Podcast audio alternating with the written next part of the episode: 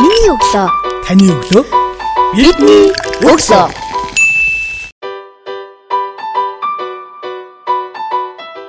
Сонсогчтанд шинэ 7 өдрийн өглөөний мэндийг хүргэе. Миний өглөө цуврал подкастын 158 дахь дугаар хүрч байна. Энэ удаагийн дугаартаа бид Coach Lab сургалтын төвийн үүсгэн байгуулагч, мастер сурагч багш Чин зэрэг багш ярилцж байна. Танд шинэ 7 өдрийн өглөөний мэндийг хүргэе. За сонсогчдаа бүгдэнд нь өглөөний мэнд хүргэе. Таны өглөө эрхээ яаж эхэлдэг вэ? За миний өглөө тэгэл өглөө сэрхээс л эхлэн штэ. Тэгээд ер нь сэрэлэггүй сэрдэг байсан сүүлийн үеийн сэрүүлэгтэй сэрээд байгаа. Ингэж ачаалж байгаа ихтэй байгаа. Тэгэл тухайн өдөр ажилтаа бол ажиллаа бодож сэрнэ, ажилгүй бол сайхан сул сэрнэ. Тэгэл одоо янз бүрээр сэрж ин да. Өглөө босоод хамгийн түрүүнд хийдэг дадал зуршил бас үйлдэл бий юу? Тим үйлдэл тэгвэл та ямар үйлдэлийг хамгийн түрүүнд хийдэг вэ? За тэр нөгөө өглөө босоод хийдэг үйлдэлүүд одоо тэр бас нас насаар их өөрчлөгдөд байна. Одоо жоохон хөвгширч байгаа юм байл хөө. За яг одоогор бол өглөө босно. За хамгийн түрүүлээд за нэг юм зуршил аль хэдийн суучихсан тэр нэг усуудаг том аяганда дүүр ус иж аваад тэгэл гар утас аавна. Одоо тэр ер нь гар утас их сонин байхгүй бол ингээд амьдрал байхгүй шүү дээ. Тэгээд нэг өчтөр шүн те намайг ингээд унтцсан хон дэлхийд тэгээ ямар нэг асуудал гарч байгаа маш хурдан гарна. За гэхдээ гол нэг өглөө Facebook харахтаа нэг ганц юм нөгөө багш болохоор хүмүүс маш их мессеж бичдэг. Тэгээд яг энийг өөртөө зуршил болгоод заншчихсан зүйл нь тэгээ бүр найз биш хүмүүс ч хүртэл бичнэ мессеж request-ууд орж ирнэ. Тэгээд нэг зөвлөгөө авах янз бүрийн зүйл.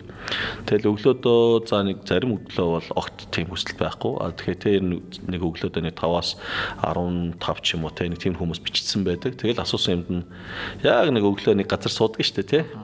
Нэг юм цаг гардаг. Тэрийг заавал одоо радио хэлээд явах. Яг нэг тийм өглөө эрт ордог газар ороод 15 минут сууж явах үедээ хүмүүст ямар ч гэсэн тийм хүмүүсийн тийм асуултуудад хариулаад ерөөхдөө тэг гарч ирээд тэгэл ажил руу гал орно доо. Өдрийн та юунд өртөлдөг вэ?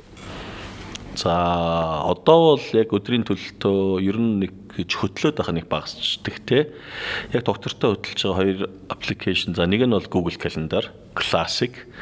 Тэгээд өдөр өдрөөр нь маргаашаар нь сараар нь заримдаа хагас жилийн төлөө нэг оруулчихаар амартай тэр чинь ер нь тэгээд одоо цалингүй их дажгүй нарийн бичиг штэ. Тэгээд урд өдрийн сануулчихна. Яг болохоос нэг цагийн өмнө сануулаад тэгээд 10 минутын өмнө сануулаад байдаг тэр нэг амар. Аа нөгөөх нь бол Google Keep мэдээгүй надад нөгөө Google дээр л ажиллаад байдаг болохоор юм нөгөө мартагдахгүй явчихдаг болохоор их амар санагдаад тэгэл нэг Google Keep дээр лист үсгэж байгаа санаануудаа биччихэн. За тэгтээ нэг өдөр болгоноор бол одоо таск хөтлөд байхаа ер нь бол болчих. А залуу байхад бол яг өдөр болгоноор хөтэлдэг байсан. Өдөртөө л нэг ер нь дунджаар нэг 15-аас 25 таск тэг цааш нь харуулдаг. А гэт өнөөдөр бол тийм ч их ачаал нь багассан юм уу? Эсвэл нөгөө жоохон насны хувьд те бас карьерээ онцлог ороод байгаа юм? Тийм өдөр болгоноор бол төлөх нь ер нь бол багассан. Тэгэхээр Google Calendar, Google Keep. Таны 24 цагийн хамгийн бүтээмжтэй хугацаа хэдэд идэг вэ? За а яг өглөөний цаг бол хамгийн бүтээмжтэй. Одоо тэгээд хүмүүс ер нь хүлэн зөвшөөрөх байх. Яг 5 хагасаас босоод нэг 7 хагас. За гэхдээ өглөө болгон өөрийгөө бол одоо яг тийм нөгөө яг ачаалттай байлгыг гэж ер нь зорихоо болчиж а гэхдээ ачаалттай байсан үе байгаа. Анхыг бизнес эхлээд цоош нь эхэлж явах үед бол бүтээмж шаардах үед бол өглөөдөө яг нэг 5 хагасаас 7 хагас хүртэл маш өндөр бүтээмжтэй байдаг. Тэгэхээр би маш их орчуулга хийдэг байсан, шин сургалтууд боловсруулдаг байсан. Аа яг бүтээмжүүд би харьцуулах юм бол баг 2-оос 3 дахин өндөр бүтээмжтэй гэж би ер нь бол хэлнэ. Ягаад тэгэхээр одоо орчуулган дээр хүртэл мэдэгдэг шүү дээ. Орой ингээл би 10-аас шөнийн 3 хүртэл 5 цаг суух, өглөө 5:30-аас 7:30 хүртэл суухтай тэнцээд байдаг ер нь бүтээмжийн хувьд. Яг одоо та ямар ажил дээр төлөрч ажиллаж байгаа? За. За хүмүүс ихэвчлэн Дэл Карнегийн чин зэрэг гэдэг ихэвчлэн одоо мэдээд авсан. Ягаад тэгэхээр 13 оноос эн чинь 21 он хүртэл за 8 жилийг Дэл Карнегийн одоо нэ сургалтын бизнес, софт скиллийн бизнесийг Монголд үүсгэн байгуулад, нутагшуулад тэгээд одоо яг тэр бизнесээсээ гарчихсан буюу 21 онд ингээд бизнесээ хамтрагчтай өгөөд бид нар бизнес тусгаарлсан байгаа юм. Одоо бол BNI гэдэг Business Network International гэдэг а яг байгууллагын борлуулалтыг дэмждэг ийм бизнесийн байгууллага бас франчайз байгууллага Монголд эхлүүлсэн. Бас Монголынхаа жижиг дунд үйлдвэрлэлүүдийн борлуулалтыг тэлэх зорилготой. Бүр алстаа бас Монгол орны эдийн засагт хувь нэмэр оруулах гэдэг хувь хүний нэг ийм мишн гэж ярьдаг те зорилго байна. За нөгөөтэйгүүр их хичээл заагаад одоо яг энэ заасан ур чадвараа бас орхихгүйгээр авч явах нь зөв юм байна гэж бодож байгаа. Уг нь бол 8 жил одоо энэ карьер хийгээд хандсан Ер нь хичээлээ заахаа болиё гэж бодсон. Гэхдээ яг хичээл заадаг энэ ур чадвар үлдсэн учраас би бүр өмнөх карьер руугаа буцахгүйгээр гэхдээ яг ийм сурагч багш болох сонирхолтой. Тэгэд мэрэгжлийн төвшөнд авч явах юм залуучуудад зориулаад одоо ойрд нэг ийм мэрэгжлийн сурагч багш бэлдэх гэдэг хөтөлбөр эхлүүлж байгаа. За тэр нь тэгээд 8 сарын бас 24-нд эхлэх нэг тийм хоёр ажил дээр л ерөнхийдөө төвлөрөлтэй байна. Та хувийн хөгжлийн сургалтуудыг нэлээд ордог байгууллагууд хамт олон донд. Тэгэхээр яг бидний сонсож байгаа сонсогч залуучуудад тандаад хувинд байгаас хамгийн чухал гурван ур чадварыг нэрлэж чиглэл ямар гурван ур чадварыг сонгох вэ? Яагаад бас энэ гурван ур чадварыг сонгож байгаа вэ? За, чанга асуулт байна. За, soft skill ур чадвар гэхээр хүнд ер нь эзэмших ёстой маш олон ур чадвар байгаагаас одоо ингэ эргээд би бодъё Ер нь ингээл нэг нэгээр ярих бүгдээрээ чухал. Тэгэхдээ хамгийн нэг гэж хэлэх юм бол энийг нэг олон жилийн өмнө надаас нэг асуусан юм. Та ингээл зөндөө олон хичээл заалаа. Ер нь гол нь яг юу заадаг? Тэгээ тийм мундаг тийм илтгэх хурлын багш юм бол хоёр хүүгээр хэлчих гээд нэг тийм чанга асуултыг хичээл дээр асуусан байхгүй. Тэгээ бодсон тэр чи яг нөө санаанд чихгүй асуулт маш хурдан жоохон нэлээд тархиа шахаж жагаад олсон хариултыг өнгөрсөн хугацаанд маш олон сургалт заасан. Хүү ер нь амжилттай, хүчтэй, амьдралаа сэтгэл хангалуун амьдрыг гэвэл эхний ээлжинд хоёрыг нэлээ. Яг тухайд бэлэн байгаа болохоор а эхнийх нь юу байсан гэхээр альва зүйлд ер нь чин сэтгэлээсээ байх гэдэг хүнд маш их хүчийг өгдөг. Ер нь дүр эсгих гэдэг энэ яг одоо нөгөө бизнесээр янз бүрээр хааж болно. Тэгвэл яг өөрөөрөө байх, өөрийнхөө хүсэж байгаа хийх гэдэг өөрөө чин сэтгэлээсээ байх гэдэг хүнд маш их хүчийг өгдөг. Эхний ур чадвар, хоёр дахь нь альва нэгэн зүйл хийх үедээ зоригтой байх шийдвэртэй байх буюу эр зоригтой байх гэдэг энэ хоёр ур чадварыг хамгийн түрүүлж эзэмшээрэй гэж би яг багш өний зөвлөнө. Тэгсэн тэр сургалтанд суусан хүн тэгсэн шүү дээ. Оо багш наа чинь таны нэр юм биш үү гинэ. Чин сэтгэл эр зориг гэсэн чинь чин зориг. Сэтгэсэн юм шүү дээ. Тий, тий газар би өөрөөс тэгж өгөн бодоагүй гэхдээ хариултан тэгээл таарчихсан. За түүн дээр харин нэг зүйлийг нэм гэвэл одоо энэ эзэмших гэж багш нь хэлэхгүй. Яг тэр Монгол хүн болгонд байдаг маш давуу тал. Энэ одоо хүчтэй давуу талыг ашиглаж чадаад гол нь зөвөр ашиглаарай гэж багш нь санал болгох гээд байгаа нь одоо бизнесийн хичээлүүдээр сүүлийн үед нөгөө agile ур чадвар гэж нэг чадвар байна. Agile гэдэг нь одоо нөгөө яг ийм ус шиг байх. Тэгээд альва нэгэн зорилгын төлөө ийм одоо хараат бусаар ийм өвөр мөцөөр хайрцаггүй сэтгэж үр дүнд хүрэх чадварыг хэлээд байдаг нэг зөвлөлч юм бол нэг ус шиг байна гэсэн үг те. Хэлбэргүй дүрсгүй гэхдээ бодтой оршин тогтнолоо үр дүнтэй хүчтэй. Тэр аливаа нэгэн асуудлыг яг өгөгдсөн нөхцөл байдал дээр шийдгэж хичээх биш. Нөхцөл байдал нь өгөгдөөгүй орчин хүртэл хайрцагнаас гарч сэтгээд тухайн зүйлийг заавал амжилтанд хүргэх чадварыг сүүлийн үед agile ур чадвар гэдэг байгаа. Энийг эзэмшээрэй гэж багш нь хэлэхгүй ягаад тэр угаасаа байдаг. Харин энэ agile ур чадварыг ашиглахдаа харин зөвөр ашиглаарай гэж багш нь санал болгоно тэрний юу гэхээр буруугаар ашиглах юм бол нөгөө зайл зайлах бай тий болоо явчихдаг шүү дээ. Лоогерч гэдэг юм уу? Ер нь манайхан чинь ямиг яаж хийж байгааг хийдэг те. Яаж ийн гэдэг чинь өөрөө нэг ажайл ур чадвар юм байгаа юм.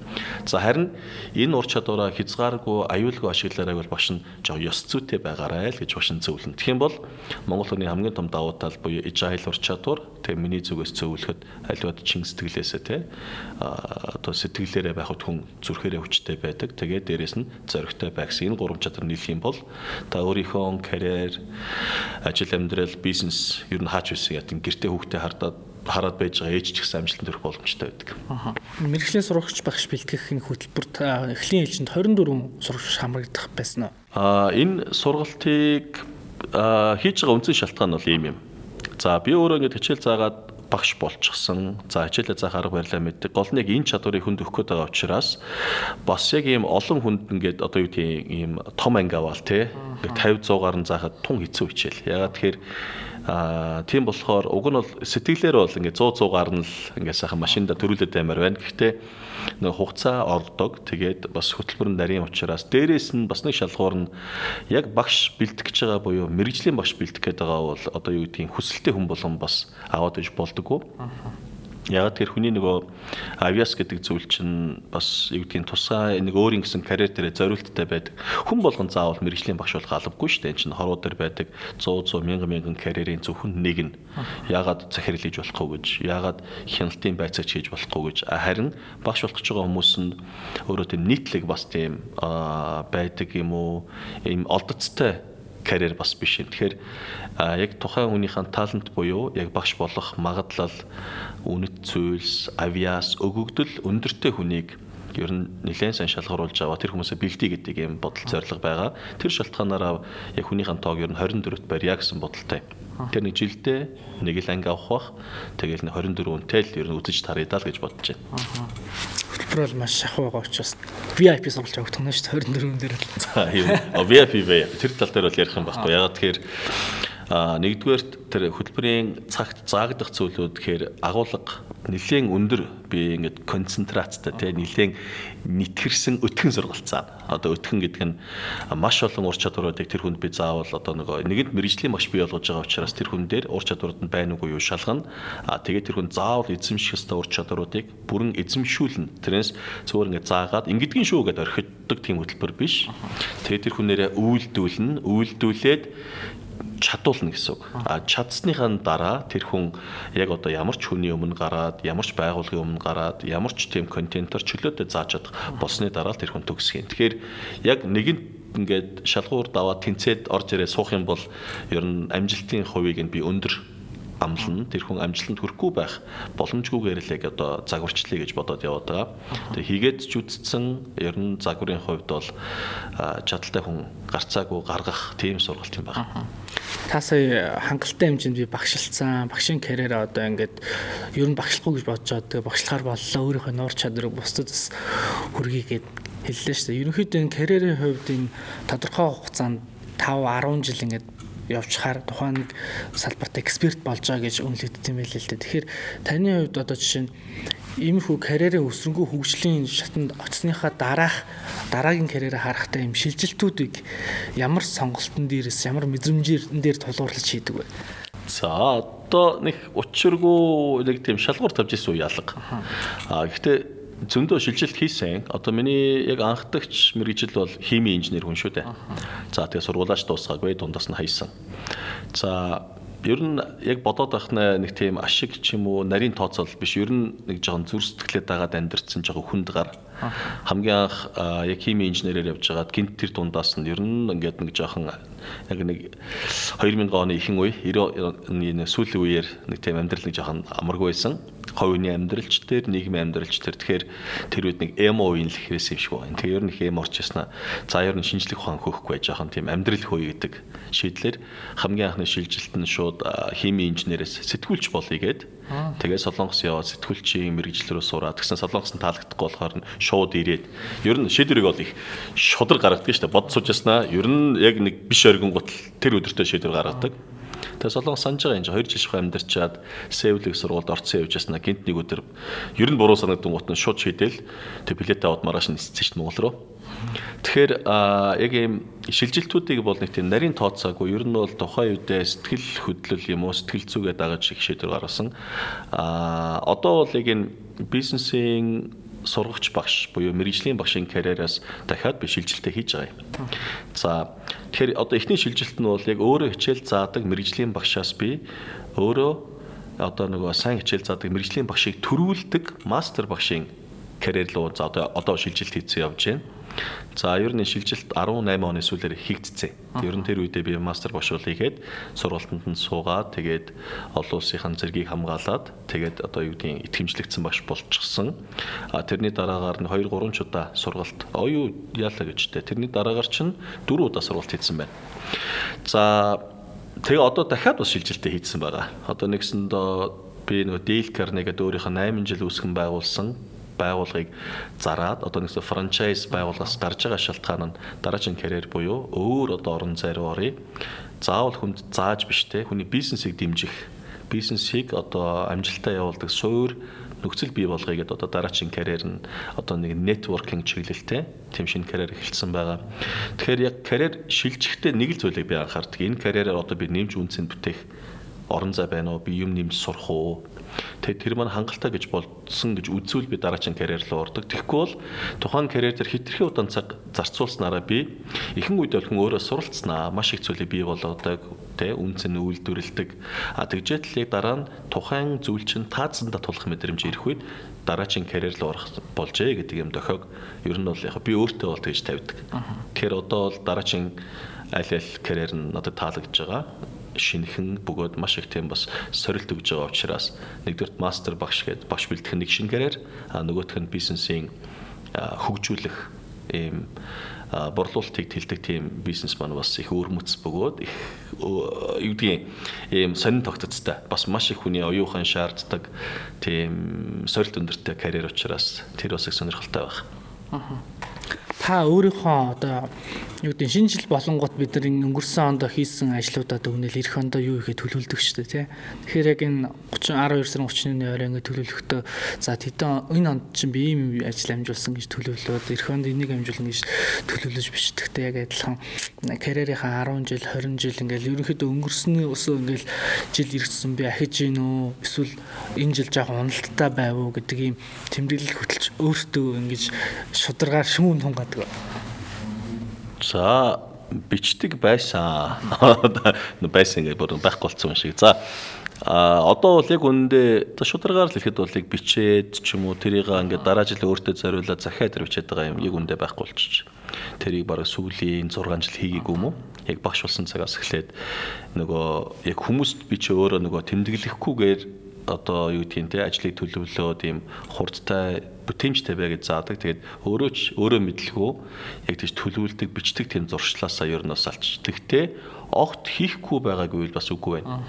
За 2022 он гарахын өмнөхөн за би өөртөө юу гэж бодсон бэ гэхээр за ямар ч нэг карьер шилжилт хийнэ гэдэг бол хийгээд дуусчихсан байсан.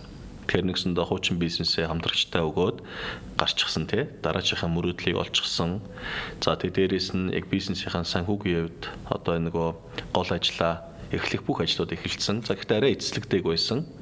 22 22 он гарсны дараагаар олон улсын гэрээ хилцээрөөд ингээд бүгдээрээ 100% батлагдаад эхэлсэн ажил юм байна. За 22 онд би юг төлөвлөсөн бэ гэдээ өөрөөсөө бодохоор за ямар ч байсан энэ нөгөө сургагч багш бэлдэх гэдэг энэ ажлыг эхлэх гэдэг мөрөөдлийг тавьсан. Одоо тэгээд аль хэдийн ажил маань эхэлсэн явж байна. За хоёрт нь юу тавьсан? Нилээн тэргүүн тавигдсан юм бол гэр бүлийн тухай асуудал тавигдсан одоо нэг хүүхдүүд том болж байгаа тий. Тэгээд айлын аав хүн тэгэхээр хүүхдүүдтэй цаг гаргах ер нь хүүхдүүдтэй одоо анхаарч эхлэхгүй бол эн чинь нөгөө гэр юу нөгөө ажил ажил гэсээр байгаад нэг харганд хүүхдүүд том болцсон тий. Тэгээд э, бас оройтох бах. Хүүхдүүдийнхаа боловсрал болон харилцаа хүүхдүүдтэй ер нь анхаарья гэж дотороо бодсон. Тэгээд эрүүл мэндийг энэ жил тавьсан. Яагаад гэхээр эрүүл мэнд бол ер нь бол эвгүй байгаа тэгээ жин чих нэмэгдсэн байна. Тэгэхээр хүн нөгөө өөрөө мэдхгүй ачаалал дунд явсаар байгаад бас бие их эвддэг. Тэгэхээр эрүүл мэнд дээр энэ жил би зорилго тавьсан. За цаана дахиад хоёр зорилго байна. Тэрийг нь би цэг цэг цэг гэж тавья. Тийм. Ямар ч ёсон дээр зорилгоудаа бол хурцшээд явж байгаа. Тэгээд харин 22 он төлөвлөсөн 5 ширхэг зүйлээс одоо бол 3 налитын гараас гарцсан байна. Үлдсэн 2-тай л одоо зууралдаж байна да. Яагаад энэ асуултыг асуусан хэрэг өмнөх маад урт оюухан академи Матамбатар багш орж ирсэн. Тэгээд бид нар яг ингээд сэтгэл зүгээр гэдэг юм зүр сэтгэлээ дагдаг тархивны дагдаг хүмүүсээ тэгтээ хоёр төрлийн тэгээд ерөнхийдөө яг манай подкастыг сонсч байгаа сонсогчдын хувьд бол яг зүр сэтгэлээ дагдаг гэж гих насны сонсогчдын төлөв сонсож байгаа. 18-аас 22 насныхаа. Тэгээд э, сэтгэлийн хөөрлөөр ингээд шинэ жил болонгууд эх жил одоо жишээ нь 1 сард гэхэд би нэг ажил амжуулж гэдэг юм уу те? Жишээ нь 12 12 ажил амжуулаа гэх олон ажил төлөвлөгдсөн хэлний оноотой болъё гадагшаа сургуульд apply гэж гэдэг юм уу те? Иймэрхүү байдлаар төлөвлөөд зөвч гэсэн эндээ нэг хүрэх гэж хит жилийн хугацаанд олон төлөвлөлт хийчихлээр тэрнийхээ аль алингөө хоцрох зүйл зөндөө байдаг. Харин жилдээ нэгээс хоёр за гурван деталь ажил сонгож аваад тэрнийхээ араас явбал илүү бодиттой үр дүнд хүрнэ гэдэг. За нөгөө талдаа хувь хүнд гар сэтгэл готрол нь юу гэхээр төлөвлөждөг тэгээ тэрэндээ хүрч чадаагүй дэ оны төгсгөлд өөртөө урам уурах тийм байдлаар тайлбарлаж байсан. Тэгэхээр таны ажил мэргэжлийн бусдаас ялгарх онцлог юу вэ? За би одоо яг юу хийдэг юм хүү юм болоо гэд бодохоор За одоо яг юу талаас нь нөгөө бизнес багшаас харах юм бол би хүний амьдралд үнцэн нэмдэг. За тэгээд нэг талаасаа харахаар их тийм буянтай ажил юм шиг болож нөгөө талаасаа харахаар их актер тарих угаадаг хүн юм шиг байгаа юм. За гэхдээ эн чинь нөгөө ёс зүйн асуудал заавал яригдана. Аа тэгэхээр яг бусдаас ялгаатай онцлог гэвэл за одоо хэдүүл яг юу талаас нь харъя л да. Гадна талаас нь харах юм бол нэгдүгээрт цагийн хязгааргүй ажилладаг хүн за одоо ялгаатай юм шиг байна нэг талаас харахаар тий хүссэн өдөр ажил өөртөө зохиогоод хүссэн өдөр амралтыг өөртөө зохиож чаддаг. За тэгээд хоёр дахь онцлог нь гэвэл нөгөө санхүүгийн хувьд одоо бүрэн хараат бус гэх юм уу өөрөө өөрийгөө санхүүжүүлдэг нэгсэндөө хэрэг би ажиллахгүй бол эрсдэл өөрөө хүлээн сайн ажиллаж чадвал ашгаа өөрөө авдаг тийм хэлбэрийн амьдрал руу орцсон хүн юм байна. За тэгээд дээрэс нь бас нэг одоо давуу тал гэх юм уу бас яг энэ карьерийг бодож байгаа хүмүүс маш олон хүний багш байна. За энэ нэг талтаа их гоё зүйл юм шиг болооч нөгөө талтаа бас онцгүй. Нөгөө нөгөө баахан шавтай болохоор ч нөгөө өөрөөрөө байх газар олддгүй хүн штэ энэ бас заримдаа өөр өөрө баймаар энэ тэгвэл хүн болон багшаа гэдгээр гарсан поз барьж ингэж булчин чаналт суух жоохон хэцүү. А гэтээ нөгөө талаас сайн талаас нь харах юм бол маш их тийм давуу тал өгдөг яагаад тэгэхээр хаанс одоо нэтворкийн хүчтэй Тэгэд ихэвчлэн яг миний сургалтанд зорж ирсэн хүмүүс одоо жишээлбэл ийм амбиц өндөртэй яг зоригтой хүмүүс их сургалтанд суудаг байж тэгэхээр яг тэр талын ер нь бүтээмж өндөртэй өрсөлдөхүйц network их сайтай. Тэгээд альч газар явж ялаа гэд. За багшийн хувьд гэх юм бол ер нь хүрч чадахгүй хүн юм уу эсвэл одоо олж чадахгүй мэдээлэл их багтай. Тэр талаараа бол их давуу талтай л карьер юм байна. Аа бас нэг юм байгаа. За одоо нээлттэй хэлье да. Яг тэгэхээр карьерийг би одоо нэгсэндээ exit хийж штэ гаргаж байгаа үний хэвд гэж хэлэхэд хэрэг хон хилцэх хугацаа дууссан байлгүй. А багшийн карьерийн хамгийн за энэ сад сонирхож байгаа хүмүүст хэлэх юм шударгаар хэлье. Хамгийн гой зүйл нь юу гэхээр За мэдээж хүн заахын тулд багш өндөр чадвартай байх хэрэгтэй. Чадвар айлтын суучдаг. Гэхдээ шууд зааж эхэллээ гэд хамгийн анхны өдрөөсөө мундаг багш байдаггүй. Тэгэл тэр хүн чинь хүн туслах зорилгоор маш олон байгууллагын асуудал, хүний амьдрал гэдэг маш их асуудлыг шийдэхэд нь хамтдаа оролцсоор байгаад тэр заах тоолтондоо өөрөө сургалтанд сууж яадаг тийм азтай карьер. Тэгэхээр хүмүүс сургалтанд суухдаа мөнгө төлж сурдаг бол багш хүн мөнгөний авч сурдаг одоо жоохон тий зөвөр нь ойлгоорой манай сонсогчд хэлэх жоохон хэцүү дамжигдаа гэдэг шиг. Гэхдээ энэ бол ялцчихгүй үнэ. Багшийн карьер өөрөө а яг тухайн асуудал хүний амьдрал гэд маш олон хүнд хэцүүдээр тухайн хүнийг яаж туслах уу шийдэх үү гэдэг асуудал руу орсоор байгаад өөрөө маш их сурч авдаг. Өөрөө хүчтэй болдог тийм явах тусмаа чадaltaй болдог юм карьерийн тоонд ордог. Аа биднийг сонсогчид тандад оролцож байгаа зочин болго нийгэмдээ чиглэсэн эрг өөрчлөлт уриалгыг дэвшүүлдэг. Таны зүгээс манай сонсогчдыг юунд уриалгах вэ? Яг тодорхой нэг уриалга надад байна. Юу вэ гэхээр хүний амьдрал яг үн цэнтэй байх, тэгээ дээрээс нь хүчтэй байх, эргээд харахад харамсалгүй байх гэд аль ч карьерээр явлаа гэсэн хүний амьдралыг эцсийн цэгийн тийш очиад байдаг одоо тэгээ та ямар карьертэй, ямар амьдралтай, хэм маягтай байхаас үл хамааран ер нь эргэж харахад харамсалгүй тэд өөрийнх нь хийж чадна гэсэн зүйлийг бүгдийг нь оролдоод хийгээд үзсэн те. Тэгээд өөрийнхөө хүссэн зорилготой, хүрсэн мэдрэмжтэй Тэгээд ч нэг кайфтай тэр нь юу ч байж болно санхүү байх уу те хэлний чадвар байх уу бүтээл байх уу эсвэл дуурсагдах нэр алдар байх уу ямар нэг юм хүн бүтээн нэг шовоолгож амьдрахын тулд бидэнтэй ярилцсан танд маш их баярлалаа бидний ярилцлагын түрээд өндөрлөж байна сонсогч та бүхэнд миний өглөө цуврал подкастын 158 дахь дугаар хүрлээн удаагийн дугаартаа бид Coach Lab сургалтын байгууллага үүсгэн байгуулагч мастер сурагч огш Чинзэрэг огштой ярилцлаа. Эх 7 хоногийн цаг мөчтөө иргэд уулзъя.